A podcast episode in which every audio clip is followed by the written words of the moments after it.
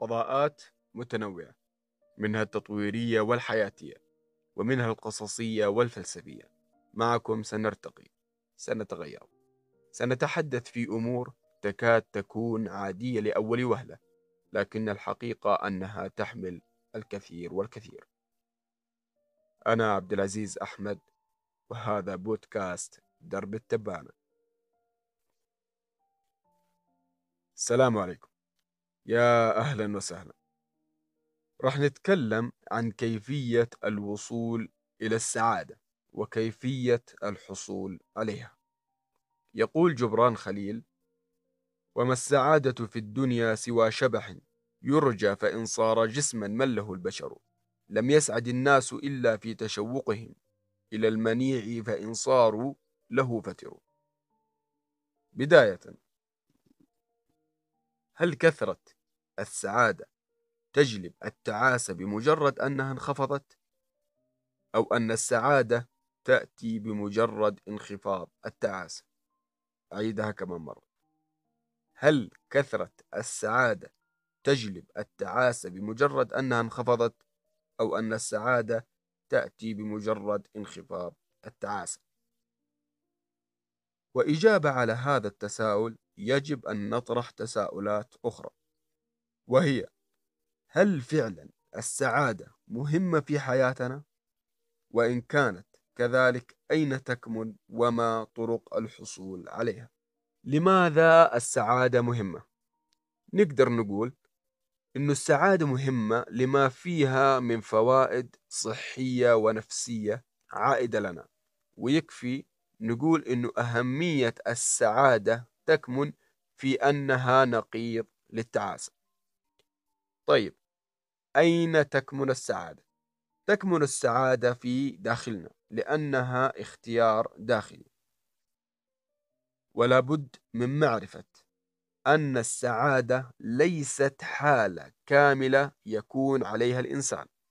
لذلك درب عقلك على رؤية الخير في كل شيء. الإيجابية هي اختيار. سعادة حياتك تعتمد على أفكارك. ويقول أحد الشعراء فيوم علينا ويوم لنا ويوم نساء ويوم نسر وبعد كل هذا كيف توصل للسعادة؟ هناك أمور كثيرة للوصول للسعادة لكن راح أختصر أبرزها في عدة أمور. الأمر الأول. لابد أن تعرف أن السعادة لا تأتي هكذا. لا تحاول تتخيل أنك ستتغير من الحالة اللي أنت عليها وصولا إلى السعادة دون أن تتعب. ليش؟ لأن السعادة عملية تراكمية. أي لا تحدث في لحظة واحدة. بل هي نتاج لكل ما نعمل ونفعل. الأمر الثاني. السعادة مرتبطة بمعنى الحياة. لو تأملت اللحظات الجميلة في حياتك أو استرجعت شريط الماضي سترى أن تلك اللحظات الجميلة ما كانت كذلك إلا لأنك عشت خلالها ما تحبه فعلا. وعلى الإنسان الاستفادة من الماضي وأن يكون منطلقا في حاضره ومستقبله. ليحقق معنى الحياة. ويقول حسين المري أحد شعراء الجاهلية تأخرت أستبق الحياة فلم أجد لنفسي حياة مثل أن أتقدم. واقتبس من هذا أحد الفلاسفة يقول أتوني أناس قالوا سنتوقف حتى نعرف معنى الحياة. فقلت لهم أن المعنى في الحركة وليس في الثبات. فكلما تحركت كلما اتصلت بالناس. هذا يعطيك معنى وهذا يعطيك تجربة. ومن هذه المعاني والتجارب يصبح تكامل في معارفك وأفكارك. وهذا التكامل يخلق عندك وعي وتصبح نظرتك للأمور أنضج. فالإنسان اللي يبحث عن السعادة لابد أن يستمر في هذه الحياة ويعيش التجربة ويختلط بالناس ويتبادل آراءهم وخبراتهم حينها يحقق معنى الحياة. الأمر الثالث اعتقادك أن السعادة مرتبطة بالماديات. أتفق معاك إنه الماديات تجيب لك السعادة. من مال من طعام من ملبس وغيرها من الماديات. لا أحد يضحك عليك ويقول لك غير ممتعة لكن لو كان عندك كل شيء والفترة طويلة من الزمن. راح تفقد إحساس السعادة. ليش؟ لأنك اعتدت على هذه الأشياء وبصورة مستمرة. مثلا نفترض أنك تحب نوع معين من الأكل لكن سعره غالي. ما تاكله إلا من فترة لفترة.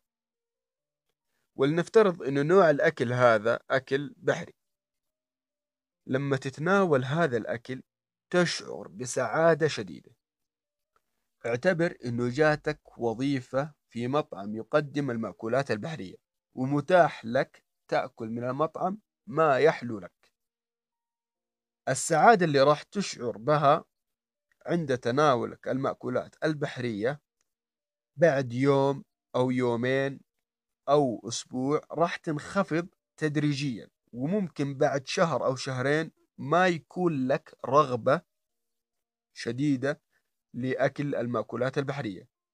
وممكن يكون نص حبة شواية أفضل بكثير عندك من الأكل البحري. بسبب اعتيادك عليه. مثال ثاني. نتخيل إنه في شخص من متوسط الناس لديه ما يكفيه من المال. في مرحلة معينة من عمره اغتنى لدرجة أي شيء يتمناه يحصل عليه. بعد فترة من الزمن عاد إلى سابق عهده. خسر المال الموجود لكن تبقى لديه ما يكفيه غالبا نفسيا راح يشعر بحزن بصورة أكبر بسبب خسارته لهذا المال أو قد يصاب باكتئاب. وأن ما كان يسعده في السابق لم يعد كذلك. رغم مروره بنفس الوضع أي الفترة اللي كان عليها قبل ما يغتني. ممكن يراودك سؤال. إيش السبب؟ السبب أن ما كان يسعده في السابق لم يعد كذلك. السبب هو أنه اعتاد على حياة ذات جودة ورفاهية أعلى مما كان عليه في السابق فأثرت عليه. لو نلاحظ تكرر معانا موضوع الاعتياد في المثالين. الاعتياد على المأكولات البحرية في المثال الأول والاعتياد على حياة ذات جودة ورفاهية أعلى في المثال الثاني. لو نتعمق في الموضوع نكتشف إن المسؤول والمسبب لهذا الشعور هو هرمون داخل أجسامنا اسمه هرمون الدوبامين. يقول العلماء أنه يوجد بالتحديد داخل ناقلات عصبية تحفز الجسم للوصول إلى السعادة.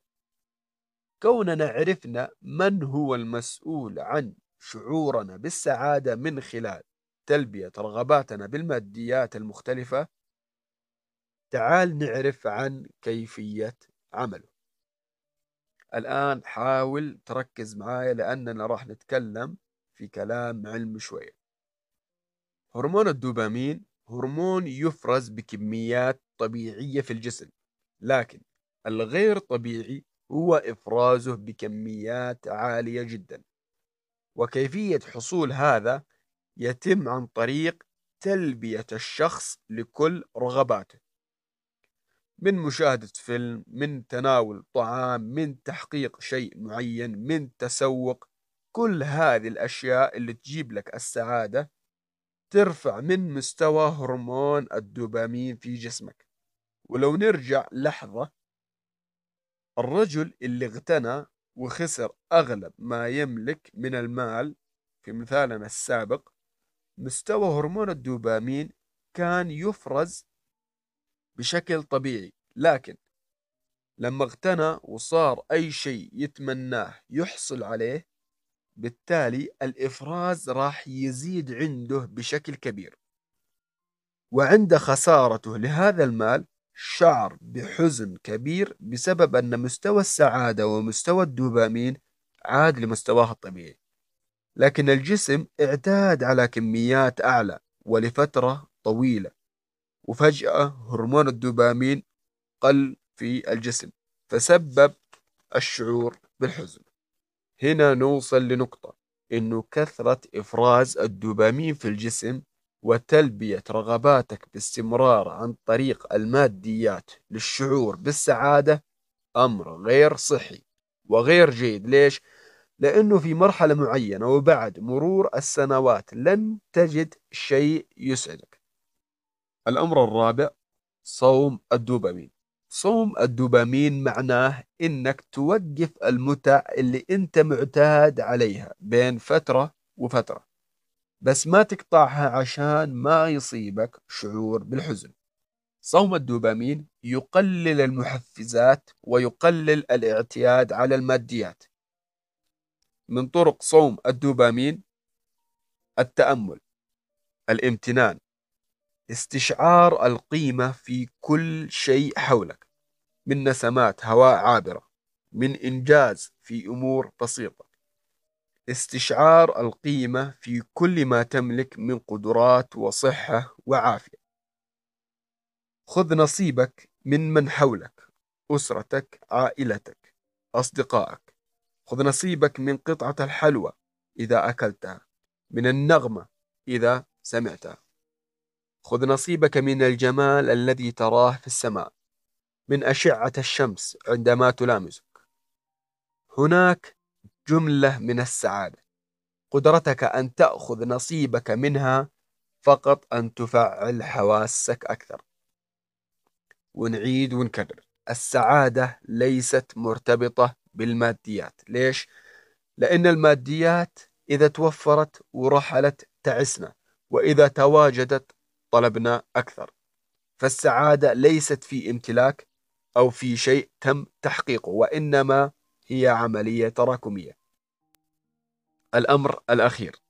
بعد كل هذا أذكرك أن هناك مصدر للسعادة مطلق يستمد منها الإنسان. مصدر دائم للسعادة والراحة النفسية ألا وهو المصدر الروحي. علاقة الإنسان بربه. وقت ما صلح الشخص في علاقته مع ربه سعد.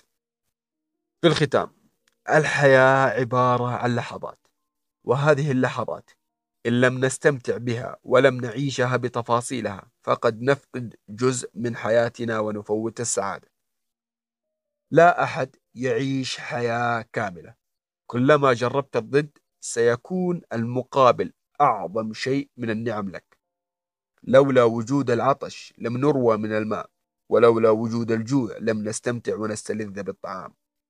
قلل ما اعتدت عليه لتستشعر قيمته واجعل سعادتك تراكمية غير متعلقة بشيء. واصلح علاقتك مع الله لتسعد. كنت معكم أنا عبد العزيز أحمد في بودكاست درب التبانة. شكرا لكم.